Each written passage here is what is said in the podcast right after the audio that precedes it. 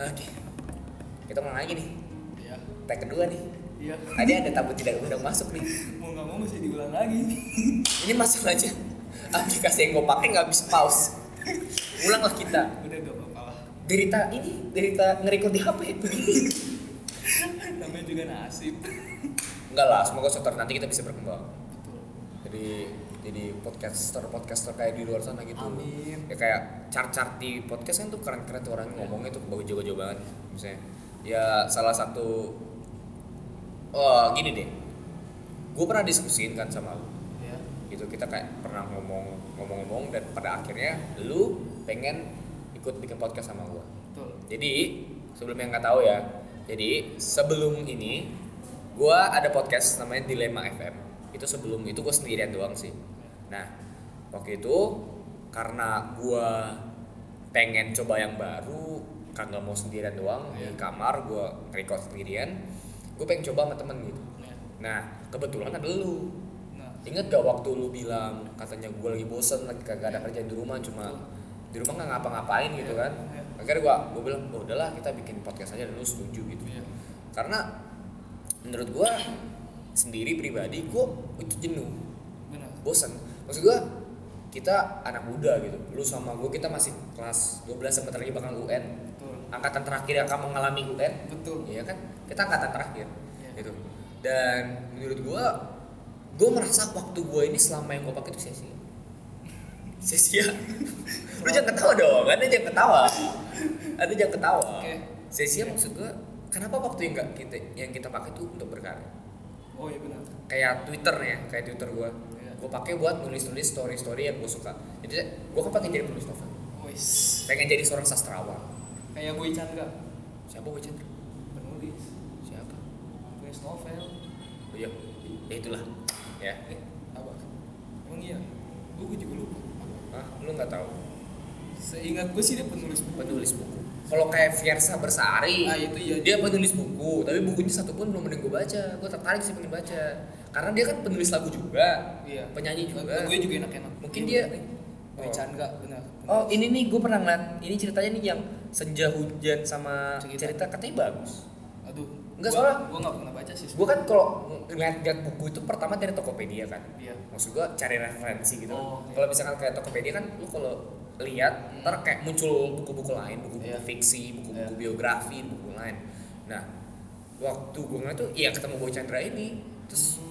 Banyak juga yang beli gitu kan. Iya. Ya, nggak tahu deh. Soalnya rintangan sih lebih ininya kan. Kalau kita rintangannya, ya pasti males lah. Cuman itu doang. Gue sama lu pasti males lah di rumah. Udah. Iya kan? Apa-apa berarti sama males. Kalau ini males lah, gue males lah itulah. Gak Ya ada kan? hal lain. Gak ada hal lain gitu. Mau mau gimana juga males. Iya. Oke, Daniel, gimana tahun barunya? Di mana? Eh, lancar. Banjir? Oh enggak, Kebetulan di kota Oh, saya. Jadi Anda tidak merasakan penyesalan yang saya rasakan ternyata. emang gimana? Ceritakan dong. Terbak, terjebak macet 6 jam saya.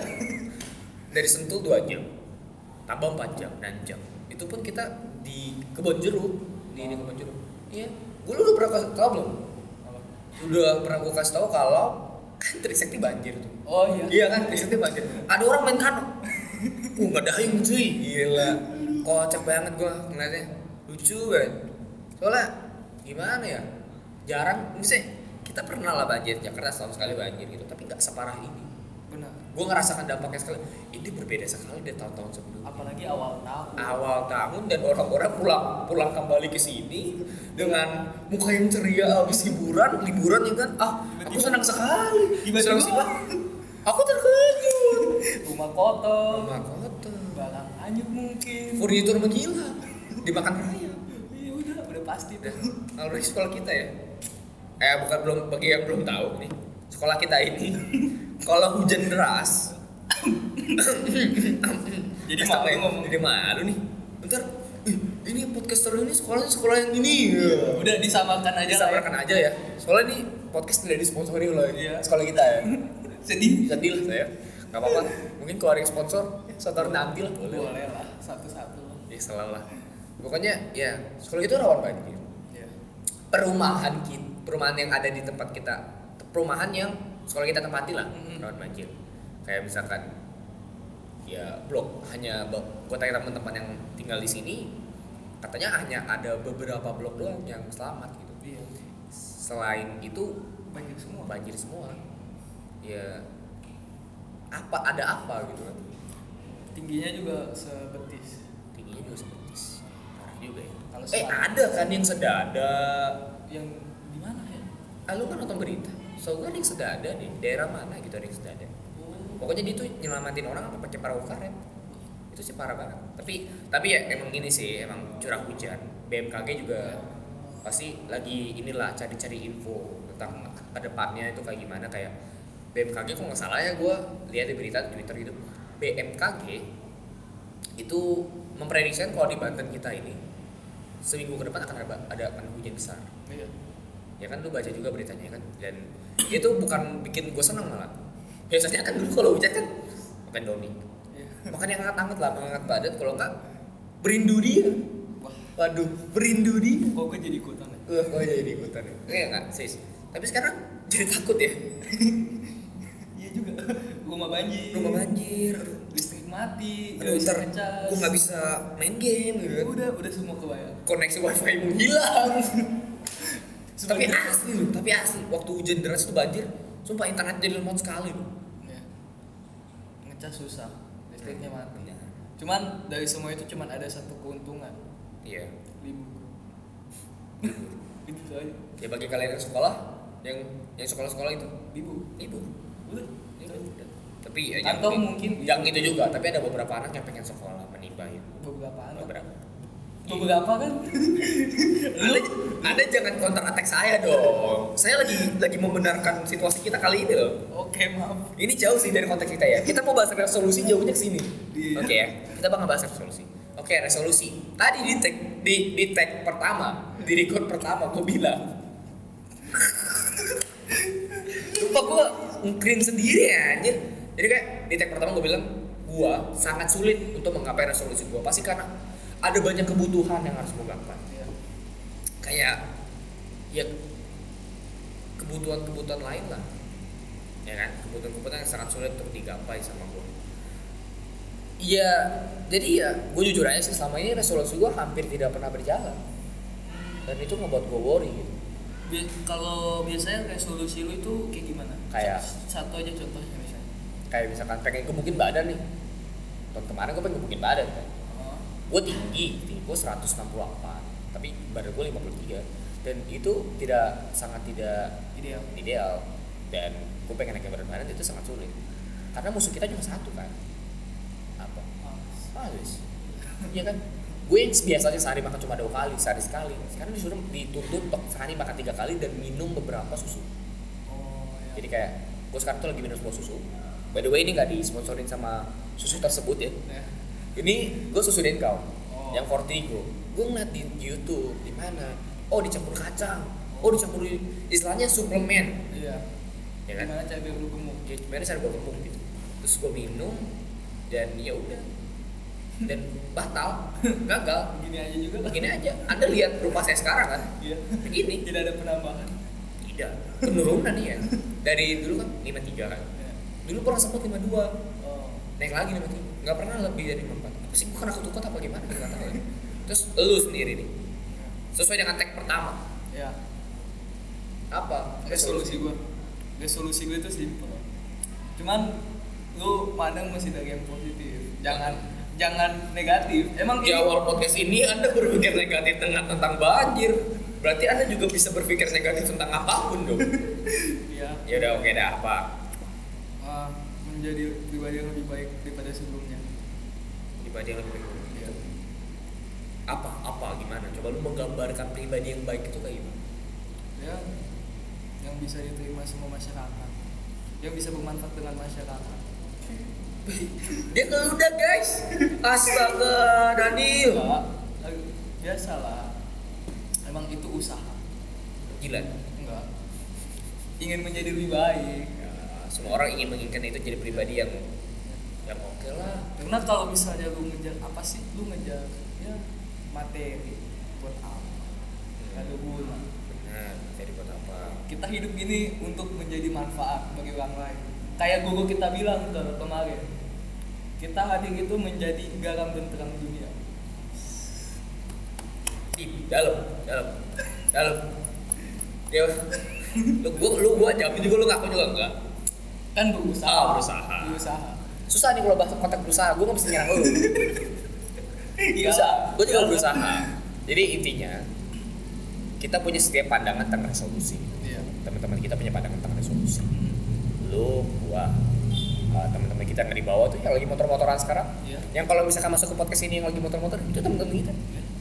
Yang lagi ngegeber Nih, lagi ngeband sungguh mengganggu dan anda mendengar AC ini suaranya itu Suara mohon maaf kita tidak punya studio sendiri. Kita aja ngerekam di sekolah. Tapi nggak apa-apa ah jadi apa? Resolusi. Oh gua pertama nanya lu dong. Apa? resolusi lu di tahun ini apa? Kan lu bilang tahun lalu lu mau gemukin badan tahun ini apa? Gue pengen berkarya. Di bidang? Di bidang kayak gini podcast ini. Terus? di bidang di bidang kayak lu kalau lihat Instagram gua ya. Hmm, by the way Instagram gua M I I C C H L L. Kalau gua lineal underscore dua tiga. Nah itu ada bisa follow ya. Ya. kita berdua lah ya tolong. Kurang follower nih. Sedikit loh sedikit lah. Saya ingin tidak saya seperti tidak dianggap oleh orang. Oke istilahnya kayak kayak kayak ya gue pengen berkarya kayak gue lagi mendalami dunia fotografi. Gitu. hmm, ya. Kayak mendalami dunia fotografi habis itu video fotonya gue edit dan sebisa mungkin kayak ya gue karena gue pengen jadi seorang penulis novel dan gue pengen jadi seorang pesastrawan gitu kan kayak ya buat inilah kayak quotes quotes gitu. Hmm. tapi yang menurut gue ya nggak ya oke oke aja gitu. Karena gue belum sejago itu karena ya orang berkembang lah. Orang ya tidak selalu hasil dia tuh masterpiece hasil dia itu selalu nomor satu enggak kan? Iya. Ya gue berusaha pengen jadi orang yang saling sharing nge-share nge-share gitu. Dan gue pengen nyalurin hobi gue di sosial media Iya. daripada menggunakan sosial media dengan hal-hal yang tidak benar menyebarkan menyebarkan hoax gitu. Iya. itu sungguh. Menurut gue itu gue ada sisi positif dari hoax sebenarnya kan. Kenapa? Kayak hoax itu selalu pertama loh keluar. Maksud, Benar. infonya selalu cepat gitu. Dan kenapa orang-orang yang kenapa gini aja? Kayak orang-orang yang cari informasi tentang hoax ini kenapa dia nggak nyari informasi yang benar? Habis itu diinfokan lebih cepat daripada media televisi. Lu tahu sendiri Twitter itu Paling paling up to date menurut gua. Paling cepat. Ya kayak kemarin Rena Iya. sudah belakangnya nggak usah disebut ya namanya aja. Namanya aja ya? Iya. sedih. Dan sedih saya dengerin. Bukan sedih apa di ini loh iya dia mem ya mem ini wanita eh mem, mem ini wanita dan pria. Tapi korbannya kebanyakan pria. 190 sekian. 160 atau 80 gitu sekian.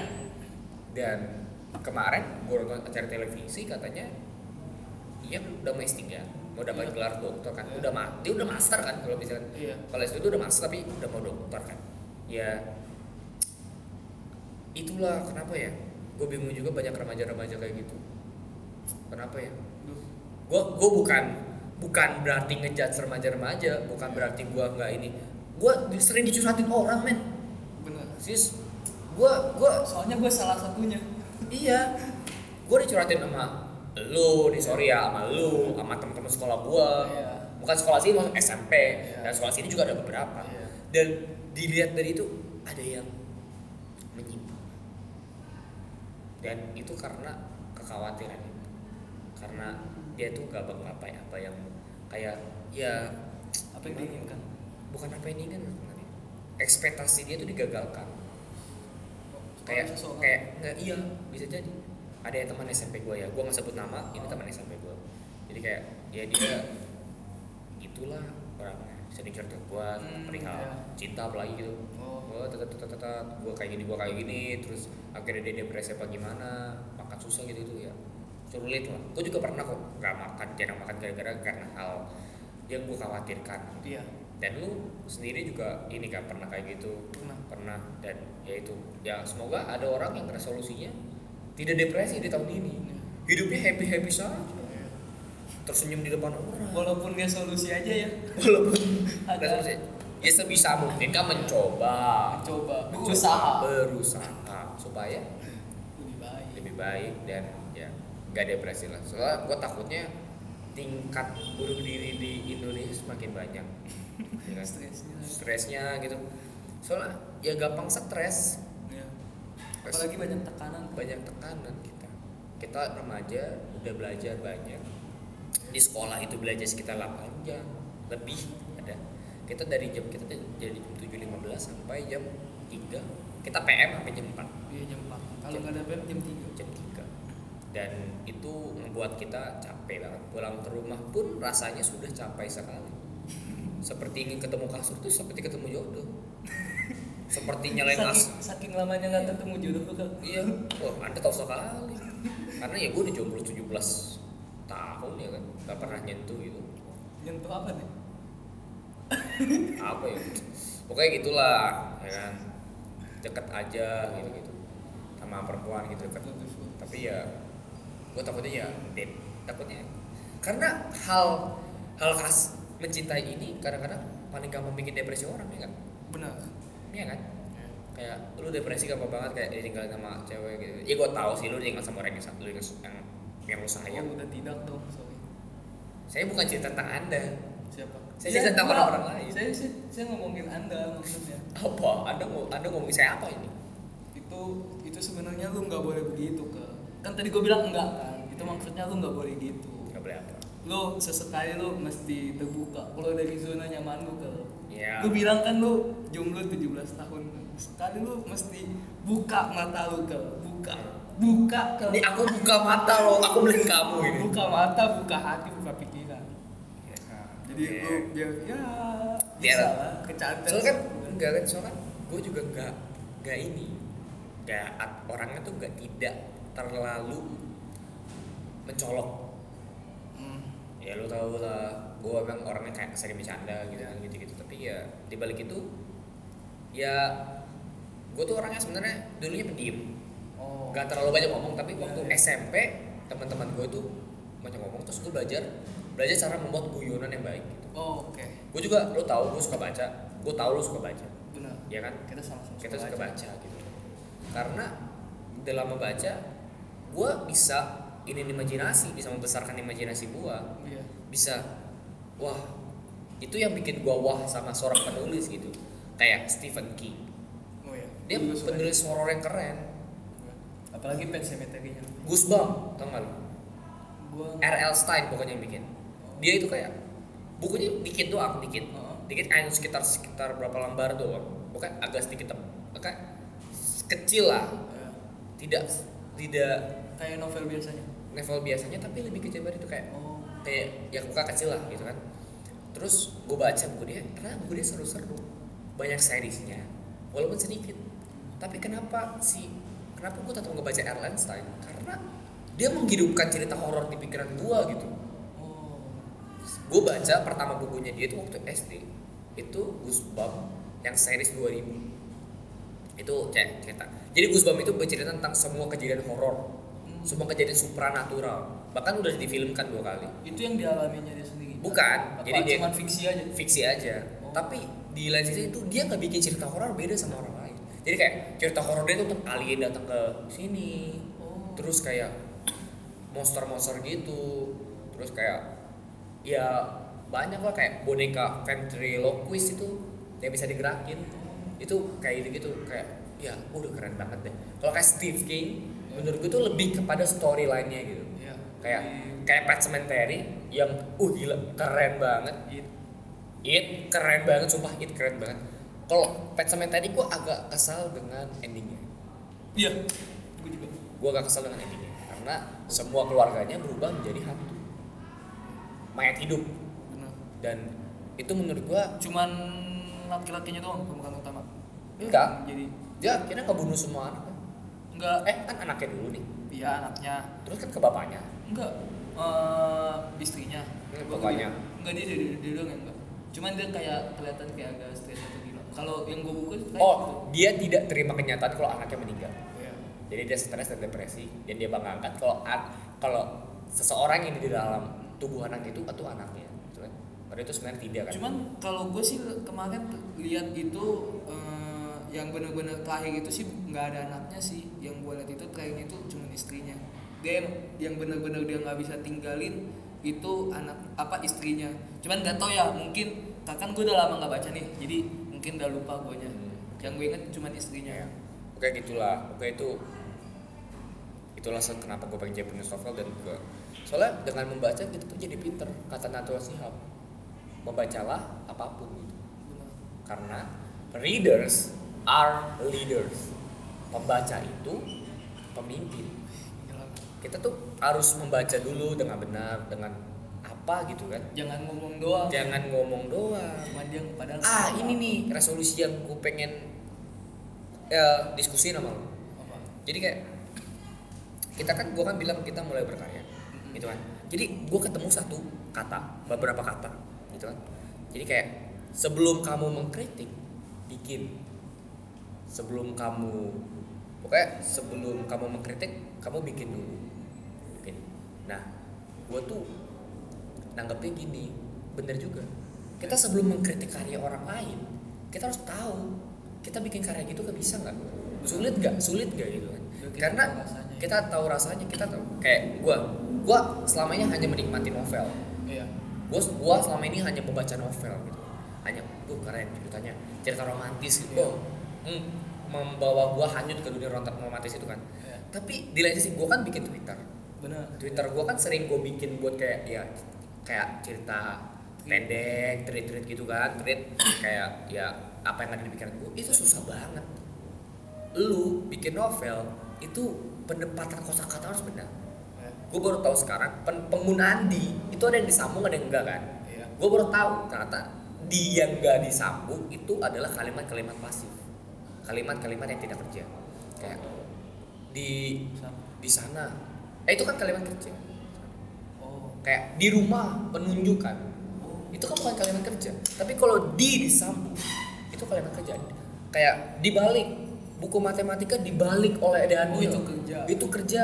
Oh. Gue baru tahu dan itu sulit sekali penggunaan titik koma. Titik koma gue baru tahu penempatan. Kayak ada titik pokoknya koma kan. Itu ternyata disambung penyambungan. Jadi kayak kayak dan gitu ayah sedang membaca koran titik koma adik sedang menonton TV di saat yang bersamaan itu kayak gitu. Dan itu bener weh. Bener guys. Kalian tuh harus mulai mulai bikin apa yang kalian suka gitu. Supaya kalian tahu gitu. Dan jadi itu bukan mah bukan yang menjadi tantangan. Itu bukan yang menjadi bukan yang menjadi sesuatu hal yang akan mengalihkan kalian itu akan menjadi keseruan kalian dalam membuat suatu karya kayak lu lu mau jadi apa semasa waktu gede nanti? Pengacara. Lu pengen jadi pengacara kan? Nah kesulitan yang akan sangat lu alami dalam menggapai cita-cita lu dalam sekarang ini gua tahu lu pengen pengen ikut SBM ya ya kan? Lu pengen masuk unpad. Ya. semoga masuk. Amin. Oke? Tapi kalau kita realistis aja kalau nggak masuk yang putus asa.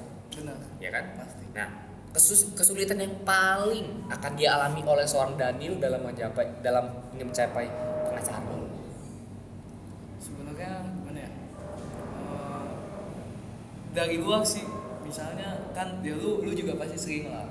Misalnya gue mau contohnya gini kita kayak kita mau ujian. Pasti lihat gue mau belajar.